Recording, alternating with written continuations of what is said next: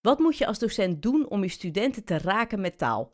In deze Noordhof-podcast, Tussen Nu met BN'ers, praat ik, Nanda van Heteren, online met bekende Nederlanders die, in de breedste zin van het woord, een link hebben met de Nederlandse taal.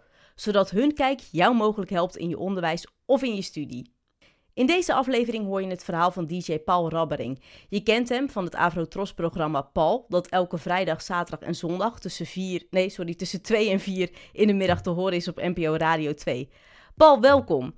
Ja, gezien je beroepen, het is misschien een overbodige vraag, maar ik ben toch benieuwd naar het antwoord. Wat is jouw relatie met de Nederlandse taal? Ja, als radiomaker, als discjockey heb je maar één manier om te communiceren en dat is de gesproken taal. Want uh, lichaamstaal, dat werkt niet. Ik, ik zie mezelf nu mijn hand zo van me afdoen terwijl ik dit zeg. En dan denk ik, ja, niemand die dit hoort, die heeft enig idee wat ik doe. Um, dus ja, taal is ontzettend belangrijk, want dat is de enige manier, de gesproken taal, om met uh, luisteraars te communiceren. Dus uh, in mijn vak, ik, ja, als ik geen taal zou spreken, dan draai ik alleen maar platen eigenlijk. En ja, dan kan je net zo goed Sky Radio opzetten natuurlijk. Wat ook een leuke zender is, maar inderdaad anders natuurlijk. En, en het gaat bij jullie natuurlijk vooral om, uh, om de spreeks ook daartussen, naast alle goede muziek. Maar waarom vind je het zo belangrijk om je in te zetten voor taal? Bijvoorbeeld om deel te nemen aan deze podcast? Nou, ik vind uh, Nederlandse taal ontzettend bijzonder en mooi. En ik geniet ook heel erg van taal. Als radio-dj presenteer je iets, dus je gebruikt echt alle facetten.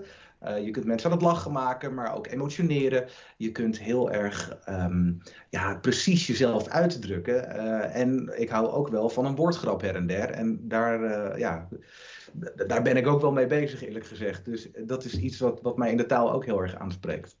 De, dus die emoties en, en de woordgrappen en het spelen met taal, wat je zegt, is eigenlijk wat je zo fascineert. Spelen met taal is denk ik ook wel een goede omschrijving. Je, je kunt Weet je, we spreken allemaal Nederlands, maar je kunt dan nog net wat doen met woorden of zinsgebruik, waardoor je mensen ook uh, triggert of raakt of iets grappigs kunt eh, creëren. Um, ja, taal is, is in, in, die zin gewoon uh, super belangrijk om goed om de knie te hebben.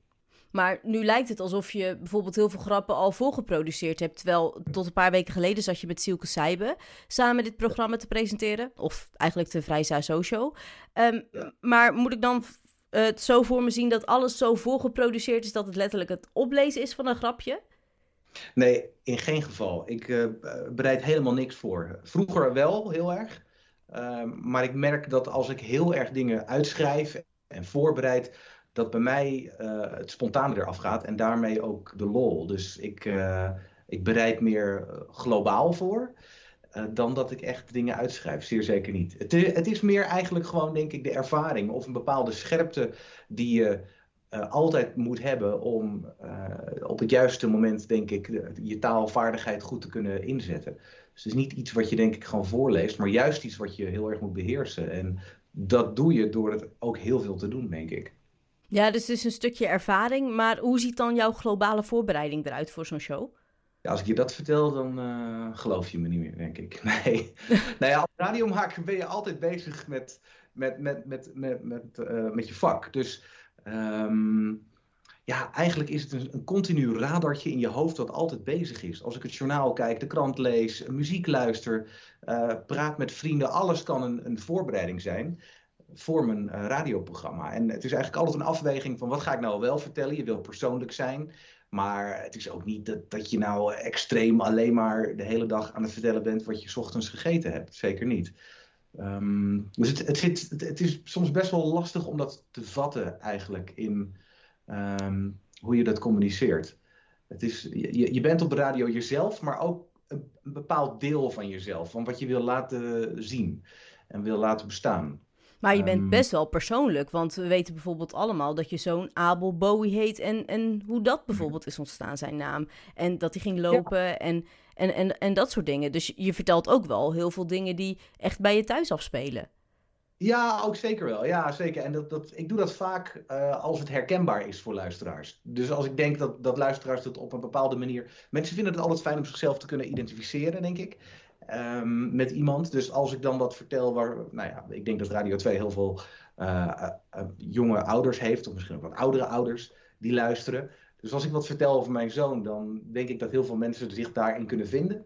En dat creëert ook weer een band met je luisteraar. Dus dat speelt altijd een rol. Het is, um, weet je, iets over politiek waar ik misschien wat van vind, of, of de coronacrisis. Dat zijn dingen waar ik weer niet zoveel over zeg, uh, omdat het, dat raakt mensen op een andere manier. Het moet altijd een, juist uh, meer een band creëren dan dat je afstand creëert met je luisteraar. En, en het is misschien ook zo in het kader van journalist zijn, dat je ook gewend bent dat jouw mening in die zin er niet toe doet, toch? Ja, dat is wel interessant dat je dat zegt. Omdat uh, toen ik begon met dit vak, werd mij heel erg verteld van niemand is geïnteresseerd in jouw persoonlijke verhalen. Mensen willen muziek horen, vertel daar wat over. En voor de rest niks over je persoonlijke leven. Um, maar dat is gaandeweg heel erg aan het veranderen. Dus um, mijn mening wordt op sommige fronten, dus denk ik waarop uh, mensen uh, Radio 2 afstemmen, muziek, juist wel gewaardeerd. Als ik iets vind van een plaat en ik geef mijn mening daarover, dan kun je het als luisteraar er niet mee eens zijn. Maar het kan juist ook zijn dat je denkt, hé, hey, dat geeft wat duiding en dat geeft juist weer um, wat, wat een extra dimensie juist dat enthousiasme wat, je, wat ik dan soms heb voor uh, nummers. Nou, de nieuwe Direct bijvoorbeeld, Nightcrawler kwam afgelopen week uit. Ik ben lyrisch over het nummer, dus ik grijp ook elk moment aan om mijn enthousiasme over die plaat op de radio te vertellen. En vroeger zou je dat misschien minder gedaan hebben, maar nu is het juist belangrijk om dat wel te doen. Ik denk dat dat komt, dan wil je natuurlijk weten waarom omdat er zoveel aanbod is. Um, je kan overal muziek luisteren. YouTube, Spotify, noem ze allemaal maar op. Radio zet je bewuster aan, denk ik. En juist misschien ook om die duiding een beetje te krijgen in de grote brei aan aanbod wat er is. Ik snap wel wat je zegt. En het komt natuurlijk ook. Radio 2 is natuurlijk een muziekzender met nou ja, wel nieuws, maar dan op, op een iets andere manier en op een iets lichtere vorm. Dat juist op het gebied van uh, muziek jouw mening er wel toe doet. En dat mensen je daar, ja, zich daarmee willen identificeren en dergelijke. Maar minder bijvoorbeeld met wat je van het coronabeleid vindt. Om maar exact dat, ja, exact dat. Want dat is, ja, dat is heel lastig. Uh, soms flipt er wel eens een opmerking uit. Nou, dan krijg je gelijk boze reacties van luisteraars. Wat je mening er ook over is omdat, ja, dat raakt mensen. En ik ben ook helemaal geen autoriteit op het gebied van corona. En uh, op het gebied van muziek, nou ja, autoriteit is lastig te zeggen, maar met al mijn radioervaring en muziekverleden, uh, nou ja, denk ik dat je dat wel zo kan stellen. Dus uh, hou het bij ehm, wat je weet, denk ik altijd maar. Nu hebben wij natuurlijk allebei een hoop geleerd, tenminste dat denk ik, bij de NPO-campus. Het opleidingstraject voor radio-dj's en presentatoren van de NPO. Zelf heb ik in de vooropleiding gezeten van Radio 2 en Radio 1. Maar jij hebt deelgenomen in 2003 aan, nou ja, toen heette het nog de 3FM DJ-school. Ik moet zeggen, ik heb daar ontzettend veel geleerd over de Nederlandse taal en ook over het communiceren en, en natuurlijk radio. Maar welke drie tips heb jij daar juist geleerd die jij meeneemt? Nou, wat ontzettend belangrijk is, drie goede tips denk ik. Uh, spreek de taal van je luisteraar. Ik zat toen op 3FM, nu op Radio 2. De mensen die naar die zenders luisteren, dat, dat is compleet verschillend. Um, het is heel belangrijk dat je niet uh, boven je luisteraar gaat staan. Dat je met heel veel moeilijke woorden gaat goochelen. Juist om te laten horen dat jij dat zo graag weet. Want dan creëer je een afstand. Mensen die denken, eh, waar heeft die gast het over? En dan voelen ze zich niet, niet fijn bij je. Um, maar je moet ook niet onder het niveau van je luisteraar gaan praten. Dat je heel erg kinderlijk tegen mensen praat, dat vindt, dat vindt niemand prettig. Dus het lastige en ook het mooie ervan van radio, je weet nooit precies wie er luistert. In een normaal gesprek heb je iemand tegenover je, dan kun je inschatten hoe, uh, nou ja, welke woorden gebruik je wel, welke niet. Bij radio heb je een beeld. Ik heb een beeld van luisteraars en ja, daar stem ik mijn uh, taalgebruik op af ontzettend belangrijk. Want als je de doelgroep niet aanspreekt, dan uh, sla je altijd de plank mis. Uh, je wilde drie, hè? Drie uh, tips. Als het kan. Ik, ja, ik heb er heel veel geleerd. Ja. Dus ik was er eigenlijk vanuit gegaan dat jij dat ook had gedaan. Nee, nee, zeker. Oh, zeker. Ja, kijk, het is inmiddels ook zo lang geleden. Uh, 18 jaar. Ik weet niet meer precies wat ik daar geleerd heb. Maar dit, dit zijn wel de, de basisdingen waarvan ik denk dat ze daar wel besproken zijn. Um, wat ook heel belangrijk is, maak een verhaal altijd eigen als radio-dj. Dus lees niet teksten klakkeloos op. Een nieuwslezer moet dat doen, want die moet feitelijk heel juist zijn. Maar als radiomaker luisteren mensen naar jou als mens. Dus die verwachten niet dat jij krantenberichtjes gaat opdreunen. Um, dus als er een bericht is dat je wilt delen, ik neem het altijd tot me en maak er dan ook mijn eigen taal van. De taal die de luisteraar spreekt, of waarvan ik denk dat de luisteraar die uh, spreekt. Um, heel belangrijk om uh, geloofwaardig te blijven, denk ik. En de derde tip, oefen op lastige woorden. Uh, ik heb ooit een enorme blunder begaan. Dit was, dit was in de tijd van de campus trouwens. ehm, ik ging een, een verhaaltje vertellen over een artiest waarvan ik dacht dat hij kwam uit Virginia. ik had die tekst niet geoefend. Nou komt uiteindelijk uh, elke artiest uit een Virginia, maar ik had willen zeggen Virginia. Dus um, oefen op moeilijke woorden, spreek ze een keer van tevoren uit. Dan ga je minder hard op je bek. Duidelijk. Ik denk dat, dat, dat deze uh, tips die je hebt gegeven heel herkenbaar zijn voor de radiomaker, maar ook heel toepasbaar voor docenten. De taal spreken in dat geval van je leerlingen, de moeilijke woorden eruit filteren, enzovoort, enzovoort. Maar je, je, zei het net zelf al, hè? je wil mensen raken met goede spreeks, zoals dat in de radio heet. Maar hoe helpt taal daar dan precies bij, met je verhaal eigen maken? Ja, en ontzettend belangrijk dat je de juiste woorden kiest. Uh, het juiste tempo hebt in hoe je praat. Ehm, dat, dat, is, dat, dat, is alles. Die, die, communicatie. Kijk, als je, de, veel mensen vinden het heel interessant om altijd te doen uh, alsof ze veel weten en moeilijke woorden gebruiken. Als je een aflevering van de Wereld Draait Door keek, dan, en dat is misschien gelijk wel een goed voorbeeld, dan zie je Matthijs van Nieuwkerk die spreekt waanzinnig de Nederlandse taal. Er is geen moeilijk woord wat hij niet kent. En zeker zijn gasten gebruiken graag hele ingewikkelde termen. En wat hij als geen ander kan, is om dat lastige toch gewoon naar de normale kijker in dit geval te brengen. Um, als er een lastig woord aan tafel valt, dan, dan um, zet hij dat even tussen de uh, neus en lippen door neer, wat dat dan ook weer betekent, zonder zijn publiek heel erg te doen alsof het debiel is. Um, maar juist wel om iedereen erbij te houden. Um, daar heb ik veel van geleerd. Dat is, dat is interessant, om, uh, om ervoor te zorgen dat jij altijd de sympathieke schakel blijft naar in mijn geval de luisteraar, in zijn geval de kijker. Uh, hoe doe jij dat dan? In een bijzin uitleggen wat dat ene woord betekent? Of...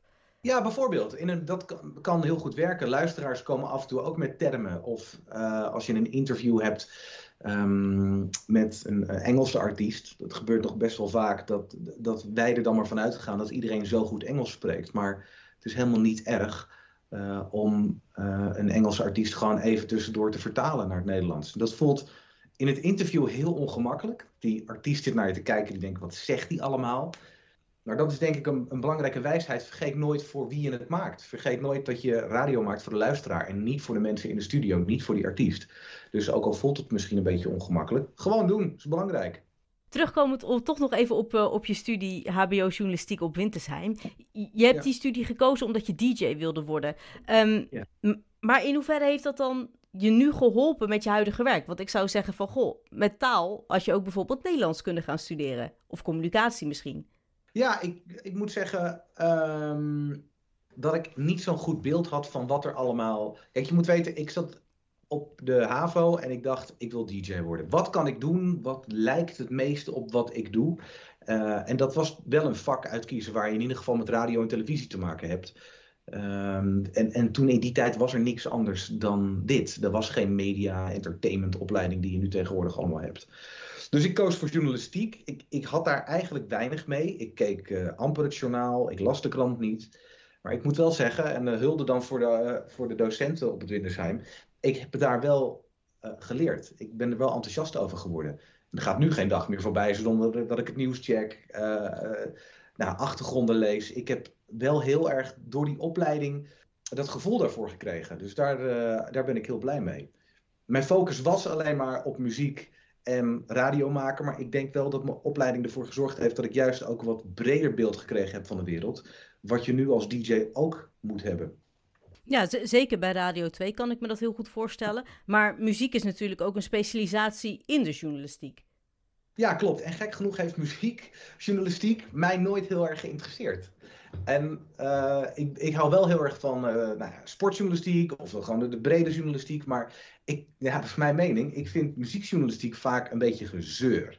Weet je, artiesten. Ik, hoor, ik weet niet wat ik hoor, serieus. ja, het is misschien flauw dat ik het zo zeg, hè, maar ik, ik vond heel veel uh, muziekjournalisten altijd gekleurd en een beetje zuur. En die, die gingen dan artiesten interviewen en dan vervelende vragen stellen. Ja, ik hou daar helemaal niet van. Ik denk, die mensen maken muziek vanuit hun gevoel, ga ik altijd vanuit. daar kun je toch geen kritische noot aan koppelen. Uh, dus dat, dat gaat met mij niet zo heel erg goed, eerlijk gezegd. En inmiddels is dat denk ik ook uh, veranderd. De VPRO is echt niet meer zo zuur als ze vroeger waren. Daar stonden ze echt onbekend. En nu zijn ze denk ik veel uh, breder en, en uh, ja, minder, wordt er minder afkeurend gedaan. Maar dat, dat, dat afkeurende gevoel, dat heb ik heel erg altijd gehad bij, bij veel uh, muziekjournalisten. Dat dit is wel goed, dat is niet goed. Ik denk, dat, muziek is muziek. Dat, en, en als radiomaker, als DJ, moet je ook absoluut niet zo afkeurend zijn, denk ik. Nee, kwaliteit is natuurlijk iets anders dan smaak. Maar laat ik dan nog even één gewetensvraag stellen voordat we doorgaan met taal. Nu hebben jullie natuurlijk jaarlijks aan het einde van het jaar de NPO Radio 2 Top 2000. Dus is dat dan niet voor jou heel paradoxaal? Van we zetten de 2000 voor ons beste nummers in die lijst. Terwijl als muziek vanuit alleen gevoel wordt gemaakt en een, een mooi liedje maken, dan kan je dat helemaal niet rangschikken? Ja, dat is, dat is een, zeker een mooie paradox. Uiteindelijk. Uh ga maar bij jezelf maar. Dat is een leuke vraag. Als je docent bent, stel het maar eens aan je leerlingen. Wat is het mooiste nummer ooit gemaakt? Vraag het maar eens aan iemand. En dat is een onmogelijke vraag, want ik weet niet, kan jij hem beantwoorden, Nanda? Nou, dat is iedere dag weer anders. Exact. Ja, precies. En, en op dit moment zou ik zeggen, nou zeker iets van Gladys Knight en de Pips. Maar als je me over een paar uur zou vragen, of gisteravond... Want ik werk zelf bij Sublime, dus ik heb, uh, ik heb de stemlijst ingevuld voor de top 1000. Toen heb ik Aretha Franklin op één gezet. Ja, en laten we even eerlijk wezen, dat zijn natuurlijk ook twee wereldartiesten. En misschien ja. zeg ik morgen wel van ja, maar ik heb ook Prince in mijn lijstje staan. Die vind ik echt heel goed. En daarom is het zo super grappig en interessant om het toch aan mensen te vragen. Kijk, wij vragen aan de Radio 2-luisteraar niet naar hun nummer 1. We vragen naar maximaal 35 nummers die jij belangrijk en mooi vindt. Nou ja, en als je dat allemaal bij elkaar optelt, dan krijg je dus een hitlijst. Maar ja, dat is niet gezegd dat iedereen vindt dat Bohemian Rhapsody uh, het mooiste nummer is. Maar hij is uiteindelijk het meest genoemd, waardoor hij op nummer 1 staat. Dus het is inderdaad een leuke tegenstelling. Maar, uh, en ja, dat is grappig, want jij zegt dus paradox. Maar ik gebruik nu bewust tegenstelling, omdat ik het woord paradox nooit in mijn radioprogramma zou gebruiken. Dat is, uh, vind ik, een te ingewikkeld woord om de radio te noemen. Dus, um, nou ja, hier hoor je me aan het werk. Ja, nou, ik hoor je sowieso de hele tijd aan het werk. Want je had het net over.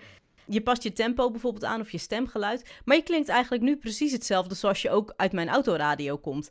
Als ik naar Radio 2 luister. Dus ja. Ja, misschien is dat mijn enthousiasme. En, en misschien is het ook gewoon hoe ik ben. Vroeger praten radio-dj's altijd met een stemmetje. Die deden altijd op deze manier het uh, weerbericht en dan de platen aankondigen. Maar dat, dat kan niet meer. Dat is niet meer van deze tijd. Je moet als radiomaker gewoon een normaal mens zijn eigenlijk. We hadden het al over wat ik over mijn persoonlijke dingen vertel. Uh, dat, mensen verwachten dat. En uh, ja, misschien hoor je dus nu gewoon Paul. Maar omdat je hem ook wel eens op de radio hoort, denk je, nou ja, dat is wel heel erg hetzelfde. Maar ja, ik, ik, ik ben dan ook uiteindelijk hetzelfde, ja. Nou, dat, dat, is een hele mooie conclusie, toch? En, en hopelijk ook zo lekker gewoon gebleven om het uh, verder te gaan hebben over taal. Ja, we hebben het al een beetje gehad ja. over natuurlijk taal en, en in jouw schoolleven of in je studieleven. Maar welke rol speelde taal nou precies in jouw ontwikkeling? Nou, ik vond het, uh, we hebben het al even over die, ik heb het daar steeds over, hè, die moeilijke woorden. Om dat juist uh, die vertaling te kunnen maken tussen verschillende talen die er op niveaus in Nederland gesproken worden. Heb ik in mijn studie journalistiek heel veel naar Barend van Dorp gekeken. Mm -hmm. Dat is leuk, want ik weet dat je ook Frits Barend voor deze podcast gevraagd hebt. Um, nou ja, een man met een fantastische woordenschat en een geweldige interviewer. Maar soms best wel ingewikkeld om te volgen. Dus ik zat gewoon, het is echt waar, met een woordenboek op schoot te kijken. En dan hoorde ik weer een woord en dan uh, dacht ik, oh ten, nou, wat betekent dat eigenlijk? dan ging ik gewoon googlen, nee ja, sorry, dat noemen jullie googlen. Nee, ik zat gewoon te bladeren in, die, uh, in het woordenboek om er maar achter te komen wat het dan betekende. Ik wil heel graag, ja, um, ook die woorden begrijpen en kunnen gebruiken, maar ook wel heel erg uh, precies begrijpen wat ze betekenen, zodat je het ook in je eigen verhaal kan gebruiken. En hoe groter je woordenschat, hoe meer je het echt begrijpt, hoe beter je het ook kan uitleggen en kan vertalen naar luisteraars, denk ik. Hoe, hoe doe je dat nu bijvoorbeeld met je kind? Die kan deze woorden nog niet begrijpen, denk ik. Maar hoe, hoe pak je zijn taalontwikkeling aan, of jullie? Ik merk wel eens dat het andersom werkt. Dat ik juist van hem de taalontwikkeling doe. Dat ik dan met slechte halve zinnen ga praten. Dat werkt ook voor geen meter, eigenlijk. maar tafel, ja, die? Nee, dat werkt niet. Nou ja, want ik, ik, uh, ik heb me altijd voorgenomen, en ik doe dat natuurlijk echt niet praten als een klein kind tegen een klein kind. Dat vind ik zo verschrikkelijk. Dat, dat gaat veel te... hey, wat leuk! Ja, wat goed van jou, hè? Ja! Ik trek dat zo slecht. Dus ik probeer gewoon tegen Abel en ook zijn oudere broer Sam gewoon wat normaler te praten. En natuurlijk wat langzamer, denk ik. En ehm, wat meer uit te leggen. Maar daar ben ik sowieso wel van, denk ik. Dus eigenlijk gewoon, ja, niet om zo als volwassene te behandelen, zeer zeker niet hoor. Maar, maar ook zeker niet te kinderlijk. Nee, want dan denk ik, dan komen ze niet vooruit. Dat, dat is een mooie conclusie, denk ik. Terugkomend op dat, dat woordenboek en zo. Jij kwam, neem ik aan, daar juist wel heel erg goed vooruit.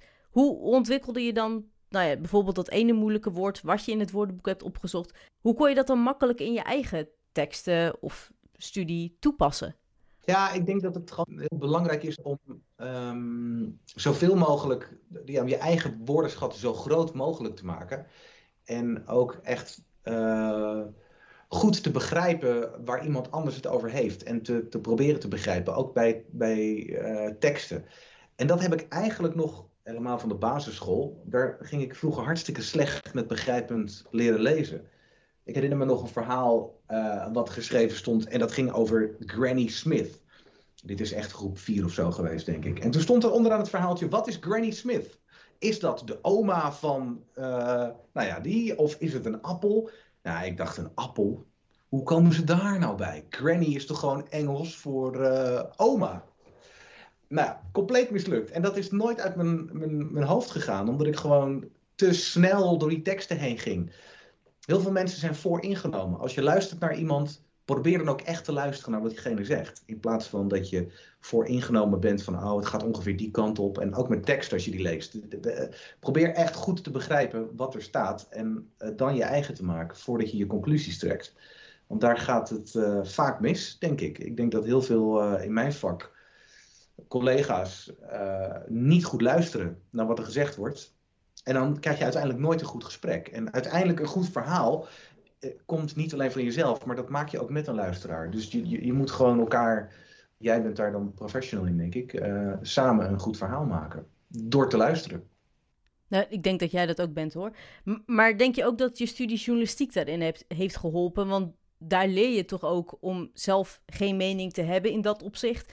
En uh, open het gesprek in te gaan en geen conclusies uh, te trekken en dergelijke. Zeker, ja, dat heb, dat heb ik daar absoluut geleerd. En uh, daarnaast heb ik ook geleerd om feitelijk juist te zijn. Dat is belangrijk. Uh, bij de lokale radio kon je echt rommelen. En dan, als je niet zeker wist hoe iets zat, dan verzon je gewoon ongeveer hoe het was. Ja, op je opleiding journalistiek word je daar genadeloos op afgerekend als je iets schrijft wat niet echt helemaal klopt. En ik denk dat dat een grote schakeling geweest is in mijn leven, eigenlijk. Ja, want je een mooi verhaaltje rondmaken, dat is uh, makkelijk als het toch niet gecontroleerd wordt. Maar als het wel gecontroleerd wordt, nou, je moet gewoon leren dat je je feiten juist hebt. En, en hoe doe jij dat nu dan? Want um, als ik bijvoorbeeld een, uh, een journalistieke tekst schrijf, dan is dat inderdaad feitelijk precies de quotes en dergelijke. Maar je wil dat tussen haakjes vertalen naar een leuke radiospreek. En dan moet het misschien uh, ik zeg niet dat je de boodschap moet veranderen, want dat mag absoluut niet natuurlijk. Maar dan moet het misschien wel in een iets andere vorm gegoten worden. Uh, hoe ga jij dan om met dat spanningsveld? Ja, dat is natuurlijk ook het, een, een, van de dingen die juist mijn vak heel interessant maakt. Omdat je het ook dan wel weer een beetje kan kleuren. Uh, kijk, als je iets napraat, dan quote je nooit iemand heel letterlijk. Dat, dat is gewoon zo het is. Dus je, je, kan er ook een beetje mee spelen. Um, maar reken dan een quote niet te hard op af, denk ik ook. Want anders dan, dan klinkt het weer zo lelijk. Um, ja, dus ik denk dat ik ja, onderdeel van juist uh, iets zelf opnieuw creëren eigenlijk. Met, met uiteraard de feiten en zoals die zijn klaar. Ja, want het mooie is, je hebt zo'n groot publiek. Er is altijd wel iemand die precies weet hoe het zit. En als je dus een foutje maakt, krijg je hem ook knijterhard terug. Dan, we hebben een app, uh, dus iedereen die wil reageren kan gelijk een berichtje naar de studio sturen. Ik zie alles binnenkomen. Nou ja, en als je een foutje gemaakt hebt, dan uh, zie je het gelijk. Ja, dan heb je echt binnen no time uh, tien berichten binnen waarop je gecorrigeerd wordt. En dat, dat, dat, doet wel eens pijn. Maar ergens is dat ook heel goed en heel confronterend. Word je ook wel eens afgerekend op de Nederlandse taal of taalkundig uh, een spreek? Oeh, nou, ik ben daar best heel scherp op. En ik wil daar ook weer niet te vervelend in zijn. Maar Ehm, vergelijking groter als, weet je, dat is iets wat heel veel mensen doen. Uh, ik probeer het niet fout te doen. Maar ja, je wil, wat ik al eerder zei in dit gesprek, ook weer niet te bij de hand zijn en te slim overkomen. Dus ik zou zeker nooit iemand willen verbeteren daarin. En als mensen mij daarin willen verbeteren, nou ja, nou, dat kan een keer gebeuren. Het gaat wel eens mis, toch? Maar over het algemeen, uh, nee. En, en hoe was het dan op je opleiding? Hoe werd je zo, uh, op die manier taalkundig opgevoed? Nou, ik was vroeger ook niet heel goed in spelling. Daar ben ik ook wel knijterhard op uh, afgerekend. Daar had ik nooit de hoogste cijfers voor. En ja, in het eerste jaar deed ik geschreven pers op een opleiding journalistiek ja, dan is dat natuurlijk ontzettend belangrijk. Maar ik, ik heb soms echt even wat tijd nodig. Dus uh, kofschip, uh, I love you. Want heel vaak dacht ik, hoe zit het ook alweer? Maar goed, radio, je hoort er niks van. In die zin. Een T is een D. Of een, ik vind, ja, hoe je het nou schrijft, dat maakt niet uit. Je hoort het toch niet. Dus daar kom ik eigenlijk goed mee weg. Zeg ik eerlijk. Maar taal is natuurlijk niet alleen schrijven. Taal is ook wat je zegt, spreken. Um, maar, maar dan moet je ook wel juist heel flexibel zijn, wat je zegt, als je alleen een globale voorbereiding hebt. In hoe makkelijk je de taal eigen maakt. En nou ja, je hoort mij denken en praten tegelijkertijd. En dat gaat niet altijd even goed. Um, nee, maar dat is wel, het is leuk dat je dat zegt, want ik, dat vind ik een van de leukste dingen aan mijn werk. Denken en praten tegelijkertijd. Je begint aan een zin, je weet eigenlijk niet waar je heen gaat. En omdat ik mijn verhalen nooit helemaal precies van tevoren voorbereid en niet uitschrijf, zit er een kans in dat het dus ook stuk loopt. Vroeger, bij de lokale radio, ging dat heel vaak mis. Dan, dan kwam er uh, iets tussendoor waarvan ik dacht, oh ja, dat is ook een leuk detail om te vertellen. En dan dwaal je af en op een gegeven moment weet je niet meer waar je bent. En dan kom je nooit meer terug en dan kun je nooit meer de plaat aankondigen. En het is juist nu zo interessant om ervoor te zorgen dat je altijd wel weer op het juiste pad komt en altijd nog je verhaal rondkrijgt. Dat is echt, echt een van de allerleukste dingen aan mijn werk. Je weet niet waar je begint in de zin, je weet ook niet hoe je eruit komt, maar uiteindelijk zet je toch een punt. Docenten moeten dat natuurlijk ook doen met, met hun lesstof. En nou ja, ik kan me voorstellen dat ze dat niet woordelijk uitschrijven. Of tenminste, als ik voor de klas sta, schrijf ik het niet woordelijk uit. Maar je weet wel waar je naartoe gaat. Uh, hoe, hoe kan jij die koers nog nou ja, zo houden dat die kant op gaat? Ja, dat is het, het, het mooie. Want je wilt tegelijkertijd ook openstaan voor alles ehm, waar het nog heen kan. Als een luisteraar iets zegt wat jou van je pad afbrengt. Jij wil ergens heen met een, bepaald verhaaltje wat je wil vertellen. Bijvoorbeeld over een nummer en een luisteraar begint over iets heel anders. Ja, dan, hoe ga je dan nog terug? Of uh, ik zeg wel eens in het Engels, kill your darlings. Hoe zeggen ze dat in het Nederlands eigenlijk mooi? Nou ja. Uh, schrijven um, is grappen? ja, precies dat het belangrijk is om uiteindelijk toch maar de logische weg te volgen. En niet heel erg vast te houden aan um, wat je al van tevoren bedacht hebt. Want dat kan juist ook heel erg slecht werken. Maar ja, goed, als je een docent bent, dan wil je natuurlijk bepaalde stof overbrengen. Dus dat is toch net even weer anders, denk ik. Terwijl ik dit vertel, denk ik, misschien zou het eigenlijk hartstikke leuk zijn om als docent eens uh, een radioles uh, te doen. Of voor iedereen gewoon eens voor een microfoon te gaan zitten en vertel maar een verhaal. Want je moet wel, je moet doorgaan. En dat traint je ook wel. Dus ik denk dat ik ook wel heel veel door te doen, ook om een opleiding, eh, radio maken, televisie, wat ik ook gedaan heb daar, juist ook geleerd heb om steeds beter te worden in het rondmaken van een verhaal.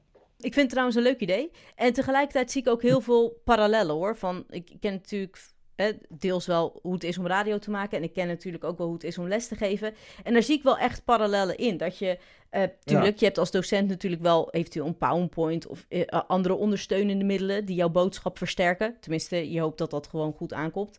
Maar tegelijkertijd is, uh, moeten studenten of leerlingen juist luisteren. En, maar een deel daarvan komt aan. Dus je wil dat wel zo kort en bondig en duidelijk mogelijk doen. En daar zie ik dus weer heel veel parallellen in in de radio. Deels ook om ze te raken, deels ook in dit geval misschien wel meer om de boodschap natuurlijk goed over te brengen. Ja, ik heb uh, niet een hele klas met leerlingen voor me, maar vaak één iemand in de studio die mij assisteert, een producer. Dat zul je ook hebben. Mm-hmm. En die is zo belangrijk voor hoe ik mijn verhaal vertel. Want als daar iemand zit die soms een beetje moeilijk begint te kijken, of afgeleid raakt, of de koptelefoon al afdoet terwijl ik nog aan het praten ben, dan weet ik, er is iets niet helemaal goed gegaan in mijn verhaal. En ik denk dat als docent zul je dat hebben met je leerlingen. Uh, lijkt mij. Dat je altijd in de gaten houdt hoe wordt er gereageerd. En uh, fronsen mensen of kijken ze weg, vallen ze allemaal in slaap. Want op dat moment, ja, dan ben je gewoon je publiek kwijt. En dat is voor een radiomaker uh, verschrikkelijk, maar als docent natuurlijk ook. Want dan komt je boodschap gewoon niet meer over. Dus dan moet je iets doen om ervoor te zorgen dat, dat je publiek toch getriggerd wordt. En uh, ja, dat kan van alles zijn. Dat kan ook gewoon een stilte laten vallen zijn. Je had me wel even, want ik dacht, wat gebeurt er nu? ja. kan gewoon werken. Doodeng, maar het werkt. Uh, behalve een stilte, hoe kan je nog meer de aandacht terugpakken? Bijvoorbeeld op het gebied van taal, want dit is natuurlijk een taalpodcast. Door, dat is lastig, hoe kun je de aandacht terugpakken? Ja, ik denk dat je altijd um, moet onthouden voor wie je het maakt. En veel mensen praten graag omdat ze zelf willen praten. En dat werkt niet. Niet op, uh, niet op de radio. En ik denk ook niet als docent. Je moet altijd denken, wat zou mijn doelgroep leuk vinden? Wat zouden mijn luisteraars leuk vinden om te weten als ik een nummer draai? Zouden ze willen weten hoe hoog het in de top 40 gestaan heeft, ooit een nummertje? Of zouden ze willen weten uh, hoe de zanger eraan toe was toen hij het nummer opnam? Het, zijn allemaal kleine afwegingen die je kunt maken. Wat ga je vertellen? Wat vind je belangrijk om over te brengen? En um, dat is nu misschien voor mij zo. Ik vind het ook wel leuk om er nu over te praten, want het is ergens zo normaal geworden, de keuzes die ik maak. Maar ik denk dat ik dat ook gedeeltelijk op mijn opleiding geleerd heb. Uh, onthoud altijd wat is belangrijk voor je publiek. Niet voor jou, maar voor je publiek. En wat heb je in je opleiding meegekregen van het taalonderwijs? Zij het impliciet in colleges tussen alle bedrijven door en de vakstof en zo? Het taalonderwijs, ja, wij, hadden taalbeheersing op de opleiding journalistiek. Dus dat heette niet meer Nederlands. En um, ik herinner me nog wel dat we daar moesten leren discussiëren met elkaar bijvoorbeeld. Ook ontzettend interessant. Want wanneer laat je iemand uitpraten? Je denkt dat je het zelf beter weet. En uh, hoe krijg je mensen mee in jouw verhaal? Wat zeg je dan? En uh, ik vond het confronterend. Want puur enthousiasme red je het niet altijd. Nee, dat, dat herinner ik me nog wel van mijn opleiding. In, in welke zin was het confronterend dan? Dat je het niet altijd met enthousiasme redt? Ja, dat vond, dat vond ik confronterend. Ja, zeker. Uh, omdat ik, ik ben heel enthousiast en als ik ergens voor ga, dan, dan neem ik mensen graag mee in mijn overtuiging. Maar uh, als daar niet op gereageerd wordt, dan denk ik, hmm, misschien heb ik het toch niet goed gedaan. En nu ben ik wat ouder en heb ik geleerd dat je dan ja, uh, misschien wel mensen niet overtuigt met je enthousiasme, maar dat je andere dingen moet zeggen waardoor ze je wel geloven of meegaan in je verhaal. feiten gewoon, bijvoorbeeld lijkt me als journalisten ook, ook heel logisch. En we weten natuurlijk allebei als journalisten dat je veel met taal bezig bent. Maar hoe, hoe heeft taalonderwijs jou dan geholpen nu in je werk? Door dat luisteren en, en die feiten en misschien het raken? Ja, ik denk, ja zeker. En ik, ik denk ook dat, we hebben het nu zo daar uitgebreid over. Ik moest echt even graven, omdat ik, ik denk, veel meer geleerd heb op een opleiding dan dat ik me altijd gerealiseerd heb eigenlijk. Weet je, je gaat toch naar je studie toe omdat je denkt, ja, ik wil wat worden, uh, ik wil wat verder in het leven. Pas achteraf realiseer ik me dat wat ik daar geleerd heb gewoon heel waardevol is en essentieel is zelfs voor het werk wat ik nu doe. Um, ja, dat is, dat is te, vaak toch uh, met terugwerkende kracht. Hè? Als ik het je dan zo nu vraag, waar denk je dan direct aan? Van, oh, dat wist ik toen niet, maar met de kennis van nu heb ik daar heel veel aan gehad in mijn taalonderwijs. Oh, een goede vraag, ja. Al fijn. dat vind ik ook wel fijn om te horen hoor. Van iemand die, uh, die hetzelfde vak doet en het ook allemaal heel goed weet. nou ja, ik, ik kan wel een voorbeeld noemen wat ik, wat ik heel leuk vind. Ik hou van um, radio-itempjes verzinnen. En um, je hebt echt taalkennis, denk ik, nodig om tot grappige eh, titels te komen. Ik hou heel erg van alliteratie. Van dingen die. Ik heb vroeger heel lang het programma Rap Radio gehad, bijvoorbeeld. Dat klinkt ook gewoon uh, lekker. En nu heb ik plagieplaat. Dat zijn dingetjes, nou ja, gewoon kleine grapjes met taal. En daar hou ik ontzettend van. Niet elke radio-dj houdt ervan, maar ik, ik vind dat juist heel grappig. Dekte lading en het is ook nog eens op een creatieve manier gedaan. En um, ja, dat, dat komt gewoon omdat, weet je, na al die jaren een rijke woordenschat heb je nodig om, denk ik, dit um, precies te kunnen uh, vormen. Maar dan verbaast het me wel heel erg dat je programma gewoon Paul heet. En één op één ja. zie ik de link wel tussen jou en, en de naam van je programma. Maar... Ja, maar Paul is echt een verschrikkelijke naam. Ik heb in al die jaren er nooit wat fatsoenlijks mee kunnen doen. Dat is echt niet te doen. Nee. Serieus? Ja, nee, verschrikkelijk. Ik, ik, met mijn voornaam, uh, ik, ik kan niks verzinnen. Als jij wat kan verzinnen, de leuke voor docenten ook, als je een leuke naam voor het programma van Paul kan verzinnen, kom maar door. Nee, dat valt nog niet mee hoor. Heb je daar wel zo over nagedacht met de namen van je kinderen? nee, niet eigenlijk. Nee. Nee, hadden we moeten doen, denk ik. Uh, nee. Dat is dan niet met terugwerkende krachten. Babbel, Abel, nee. Ja, nee. Nee. Maar goed, het voordeel van Paul is dat er ook weer niet heel veel scheldwoorden op te verzinnen zijn. Meestal, meestal pest je iemand door een P voor zijn naam te zetten, Nanda de Panda, maar met Paul wil dat niet echt, hè? Nee, precies. Ja. nee, dat, uh, dat, dat werkt niet, nee. Maar ter terugkomend op die Nederlandse taal, hè, kan je dan nog één voorbeeld geven van een goede beheersing van die Nederlandse taal? Hoe dat heeft geholpen in bijvoorbeeld een, een interview of iets, iets anders met een, een hele ander soort spreek dan dat we gewend zijn? Ja, ik denk dat um, de, de variatie, de woordgrapjes wel echt iets is wat ik uh, veel gebruik in mijn programma. Um, heel veel slik ik er ook in, omdat ik denk, dit is iets te veel voor mensen misschien. Als je alleen maar woordgrappen gaat praten, dan uh, schiet dat ook niet echt op. Um, maar juist ook in interviews, wat je zegt, kun je daardoor ook wel de sfeer een beetje uh, gemakkelijk maken. Dat je, dat je het een beetje luchtig maakt. En dat is ontzettend belangrijk om iemand op zijn gemak te stellen. Artiesten zijn toch altijd een beetje. Uh, nou ja, dan komen ze in de studio en dan komen ze eigenlijk om te spelen. En dan ga jij ze nog een vraag stellen. En ze zijn natuurlijk allemaal bang dat je nog steeds van die zure vragen stelt. Dus uh, het helpt heel erg, denk ik, om, om gewoon uh, een leuke sfeer te creëren en, en heel veel te geven, even. Om iemand op zijn gemak te laten voelen. Bijvoorbeeld met een woordgrapje. Nu snap ik dat wel heel goed in, in Radio 2, maar als ik dan terugkijk naar bijvoorbeeld, deze podcast is voor docenten, dan werkt een woordgrapje gewoon niet altijd, want je wil ook gewoon de stof overbrengen. En ja in, in het geval van hè, heel veel onderwijs is dat ook bijvoorbeeld over de Tweede Wereldoorlog of iets. Gewoon hele serieuze en heftige onderwerpen.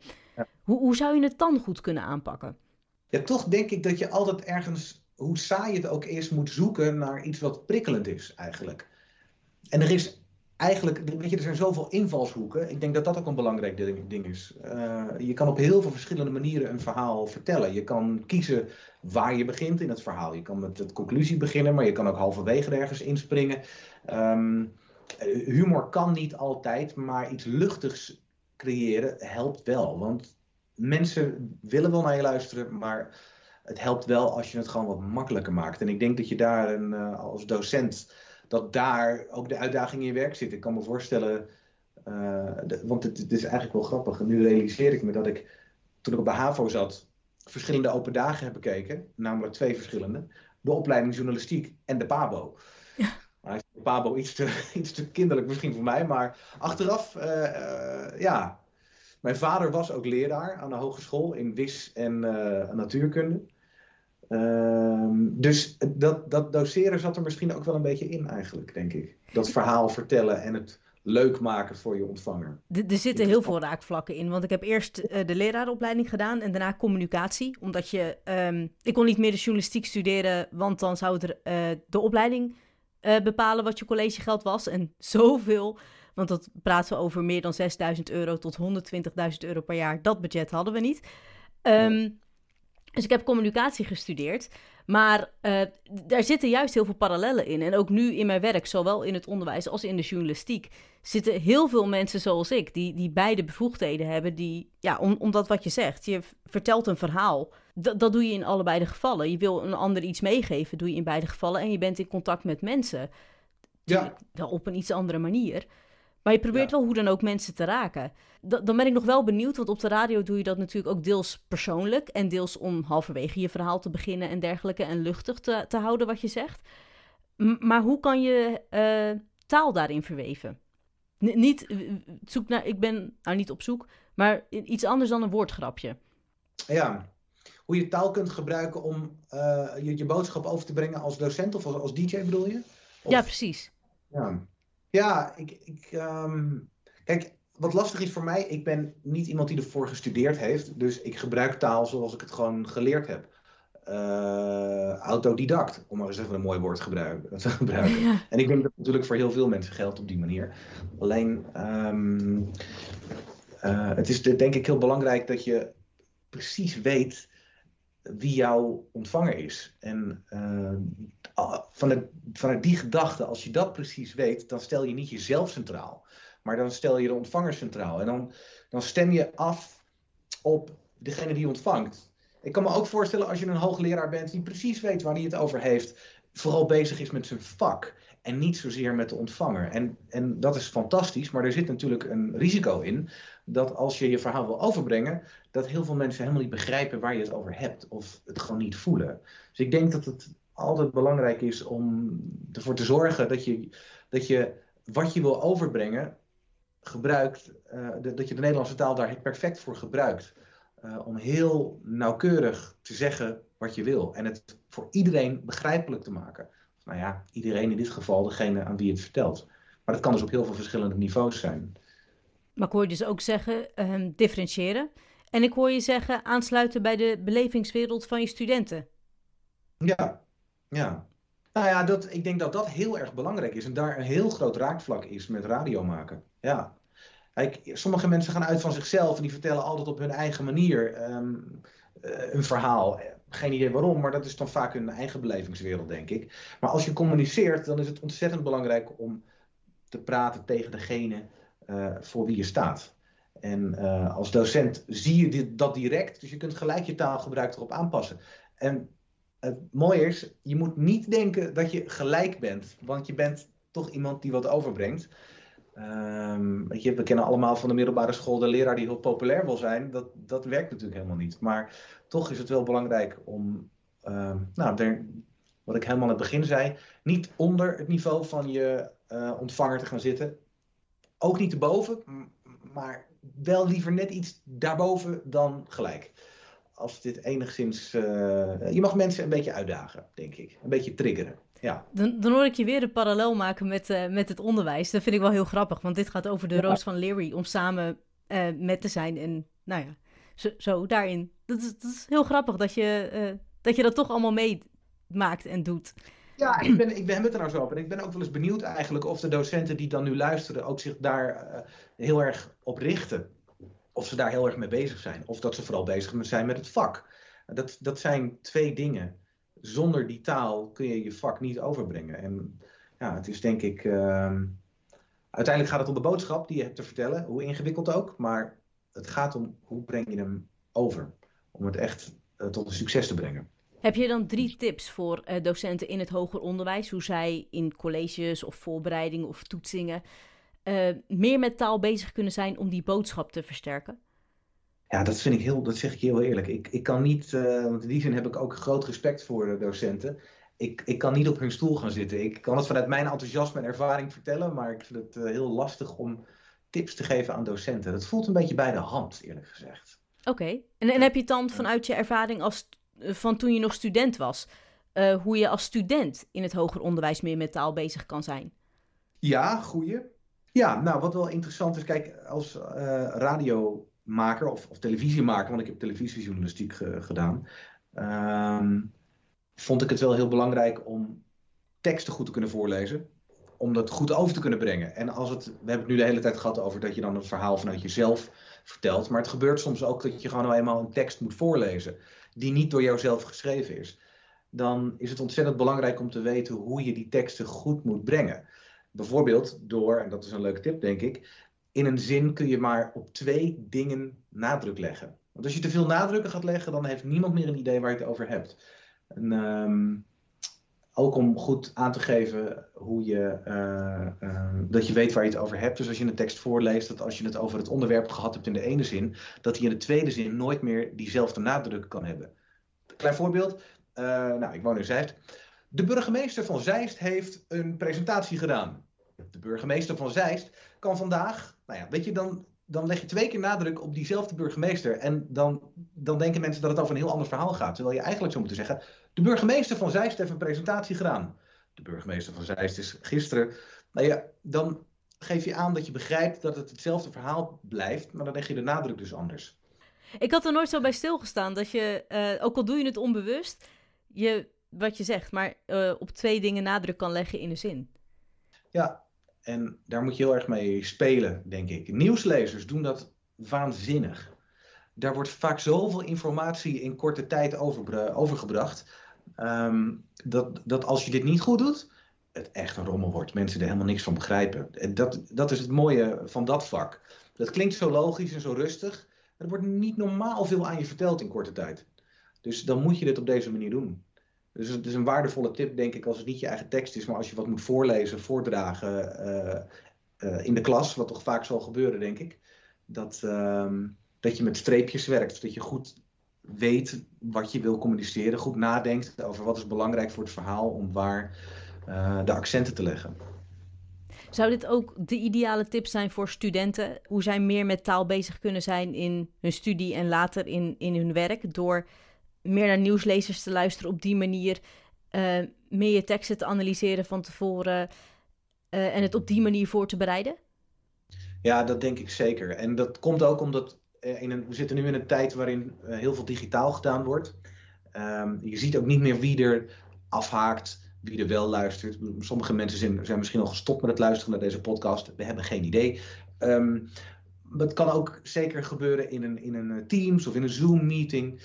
Mensen haken af als je saai vertelt. Dus het is zo belangrijk om ervoor te zorgen dat je altijd de aandacht houdt. Dat mensen altijd naar je willen blijven luisteren. Dat ze het gevoel hebben dat je ze meeneemt. Hoeveel je ook van je vak weet, het is zo belangrijk om ervoor te zorgen dat je mensen bij de les houdt. Letterlijk. En uh, ik, ik zie dat ook in mijn werk uh, bizar vaak misgaan. Als ik overleggen heb en ik gaat iemand iets nieuws presenteren. Mijn god, wat kan dat lang duren, joh. We weten allemaal wel hoe het is om in een vergadering te zitten. Waarvan je denkt, hoe lang nog? En, en dat is voor degene die dat vertelt natuurlijk helemaal niet leuk. Want het is hartstikke spannend en het is hartstikke lastig. En je hebt je goed voorbereid.